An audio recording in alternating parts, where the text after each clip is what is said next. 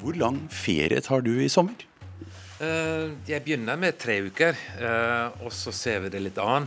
Så jeg, Vi har jo kvartalsregnskaper som skal legges frem, og de kommer jo midt i ferien. og Det har jeg vært vant til i mange år, så jeg må dele opp ferien min. Så jeg tar tre uker før det, og så, og så får vi se litt hva som skjer etter, etter at regnskapet er lagt frem for andre kvartal. Så jeg prøver vel å få en uke eller to til. Så, så det er planen, da, i hvert fall. Og sjekker du ofte jobb-e-posten selv i ferien? Ja, jeg, jeg, må jo sjekke Jeg sjekker jo e-posten, men uh, kanskje ikke så ofte som Jeg prøver i hvert fall å ligge litt mer unna e-posten, og satser vel litt mer på at kanskje hvis noen virkelig vil ha tak i meg, så, så er de, klarer jeg det, da.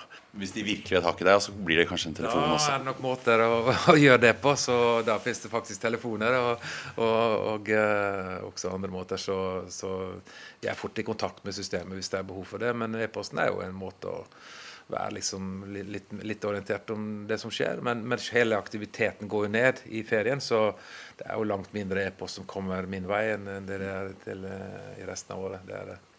Syns du det er greit at uh, kolleger går i shorts på jobben? Jeg, jeg, tror nok jeg har passert den alderen hvor det er en problemstilling for min egen del. Så, og jeg, det er jeg opplever at folk har et veldig greit forhold og avslappet forhold til dette. og Det er jo veldig mange ulike arbeidssituasjoner hvor det er helt naturlig, og kanskje andre situasjoner hvor det ikke er naturlig. Så dette tror jeg organisasjonen har et avslappet forhold til og finner ut av eh, sjøl, uten at jeg behøver å ha noe veldig sterkt syn på det. Vi kan jo følge opp der litt spesifikt for Equinor. Slips på jobben, det har kanskje endret seg litt eh, etter at du ble konsernsjef? Ja, det har jeg ikke tenkt så mye på, men det har nok endret seg over tid. Uh, og jeg opplever jo at det er eh, altså Slips er jo ikke akkurat så veldig behagelig i utgangspunktet. Og det å ha, ha et behagelig arbeidsantrekk når man kan, eh, det er nok noe som, som er blitt mer gjengs, og, og som vi opplever på, på jobben. Og så er de fleste har noen slips i skuffen et eller annet sted, så de kan ta på seg hvis det, hvis det trengs. Og det er jo spesielt selvfølgelig har man eksterne møter og sånn, så er det vanlig. Men mindre enn tidligere, helt klart. Og en god sak. Positivt. Ja. Jeg har også fått beskrevet av flere at det er blitt litt åpnere kultur eh, i Statoil. sånn, At et slips er på en måte et symbol for det. Ja, vi jobber jo, kultur er jo viktig. Det er jo måte, sjelen i, i, selskapet som kommer til uttrykk. Og, og, vi er jo avhengig av en Vi ser jo arbeidsformer og endre seg over tid. Eh, det blir mer eh, Du blir mindre satt opp i bokser og, og med, med, med, tykke streker rundt, og, og jobber mye mer på, på, tvers av organisasjon, på tvers av funksjoner, i prosjekter. Så det er en mye mer dynamisk måte å jobbe på. Og, og det inviterer nok liksom til litt, litt løsere eh, dialog og, og, friere dialog og, og arbeidsformer. Da. Så, så, dette er nok ting som endrer seg. Nesten umerkelig, men litt over tid så, så, ser man at ting har skjedd. Er du selv blitt helt vant til å si Equinor, eller hender det du glemmer deg? Og... Det er jo nesten litt sporty å ta meg i å si feil navn, da. Så, så jeg har nok opplevd det, og det er helt greit. Eh, jeg, jeg går fortsatt i den felle, og så er det jo egentlig ikke noe felle. Det er bare menneskelig natur å gjøre, gjøre det. Så vi skal venne oss til noe som jeg har hatt rundt meg i, i 46 år, så, så, det er 36 eh, år, unnskyld. Så, så det er jo en, en formidabel endring for, for mange. Men, eh, men, eh, jeg opplever organisasjonen er eh, veldig innrettet på å skape samme stolthet rundt det, det nye navnet som, som, man har evnet å skape rundt, rundt Statoil, og, og tatt dette veldig raskt innover seg. Og skal skape også innhold og bygge innhold rundt, rundt det, det, nye navnet. Så, så, dette går veldig fint. Og det går bedre for meg etter hvert. Ja. Og nå er det jo virkelig banket gjennom også, generalforsamling og det hele. Var du litt spent på reaksjonene når det bare var ledergruppen som visste om det i begynnelsen? Ja, det er klart man er jo altså når vi, går, vet, vi vet, visste jo at når vi går inn i en sånn prosess og skal endre et navn på et selskap som har hatt dette navnet i 46 år, så, så vil det skape mange reaksjoner. Og, dette, og, og mange ulike typer reaksjoner. Følelsesmessige reaksjoner, sterke reaksjoner, til og med sinne. Og, så, så, alt dette var vi veldig forberedt på. Også at eh, kanskje de som hadde de reaksjonene, ville ta de de høyeste Ta stem, stemmen i bruk på, på, på, på, sterkest måte og bli, bli, bli mer interessante enn de som kanskje syntes det var en veldig grei eh, sak å skifte navn og en riktig sak å gjøre. Så alt dette var vi veldig godt forberedt. Det var omtrent som å stikke hånden inn i en liten sånn, litt sånn vepsebol. Og, og, så er det slik dette er for meg, og dette dreier seg om, om lederskap. Og jeg har vært veldig trygg på at det er riktig å gjøre.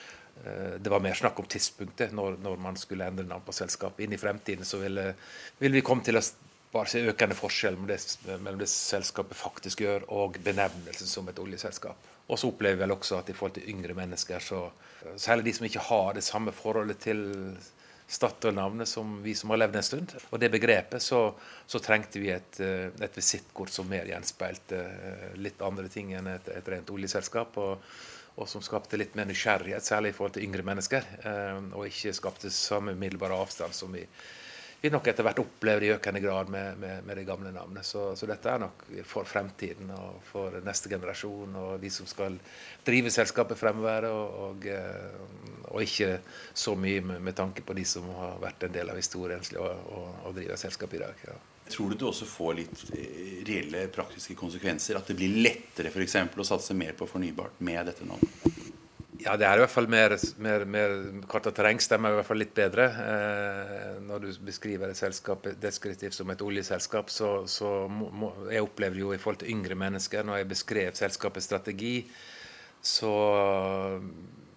og så, så de navnet på selskapet, så, så er jo de ganske smarte. Og, og, og stilte jo spørsmål i økende grad har dere tenkt på å skifte navnet på selskapet. Så det møtte jeg jo Særlig hos yngre mennesker og på utdanningsinstitusjonene. og jeg var der, og, og det ble ganske, ganske, det mest vanlige spørsmålet etter hvert, faktisk.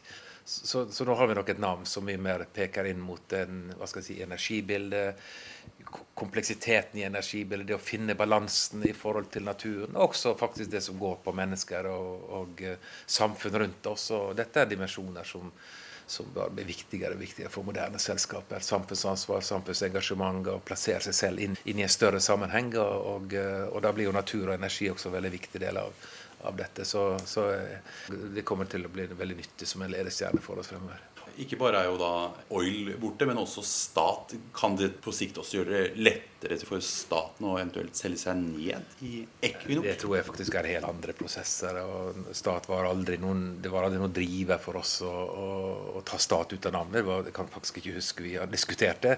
Det var bare en, det var oljedelen som ble på en måte eh, den problematiske i forhold til å stå som en virksomhetsbeskrivelse. og og eh, vi er veldig godt fornøyd med å ha staten som eier. De er en veldig god og langsiktig eier som vår type selskap trenger. Og, og, eh, og, jeg tror skulle det bli en diskusjon om eierskap fremover, så tror jeg den ville, ville komme helt uavhengig av, eh, av navn. Så, så det er, dette har ingenting med det å gjøre. Fra vår side i hvert fall. Så er det sikkert mange som kobler det til det fra utsiden, men, men fra vår side har det aldri vært en driver.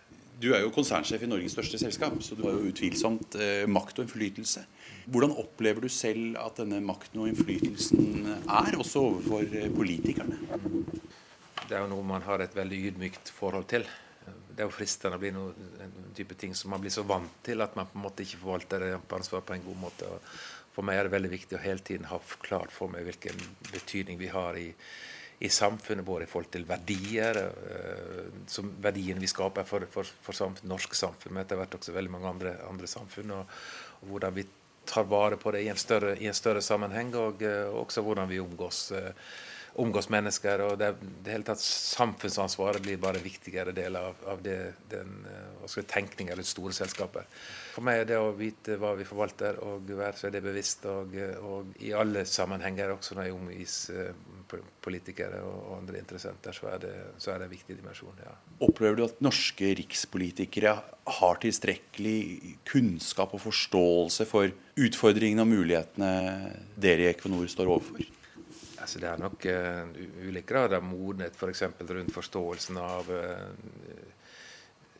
energikompleksiteten i, i energibildet, og, og, og, og, ikke minst i forhold til klimadiskusjoner og hvordan man kan Eh, si, bidra inn mot et lavkarbonsamfunn. Uh, det er ulike, ulike, grader av forståelse. og Jeg tror alle har det samme utgangspunktet. At vi ønsker at verden skal bli et enda bedre, bedre sted. Og, og, at vi skal klare å nå klimamålene. Det er utgangspunktet vårt. Og så har vi på en måte vår tenkning rundt det. og Det nok ulike, kan nok være ulike oppfatninger av det. Eh, hvor mye skal vi drive med olje og gass, f.eks. Eh, jeg tror de aller fleste føler det er veldig riktig av oss å satse på fornybar energi. Og etter hvert utvikle alternativer til olje og gass. Men hvor mye vi skal, hvor langt vi skal trekke vår olje- og gassaktivitet, kan nok være veldig store ulike synspunkter på.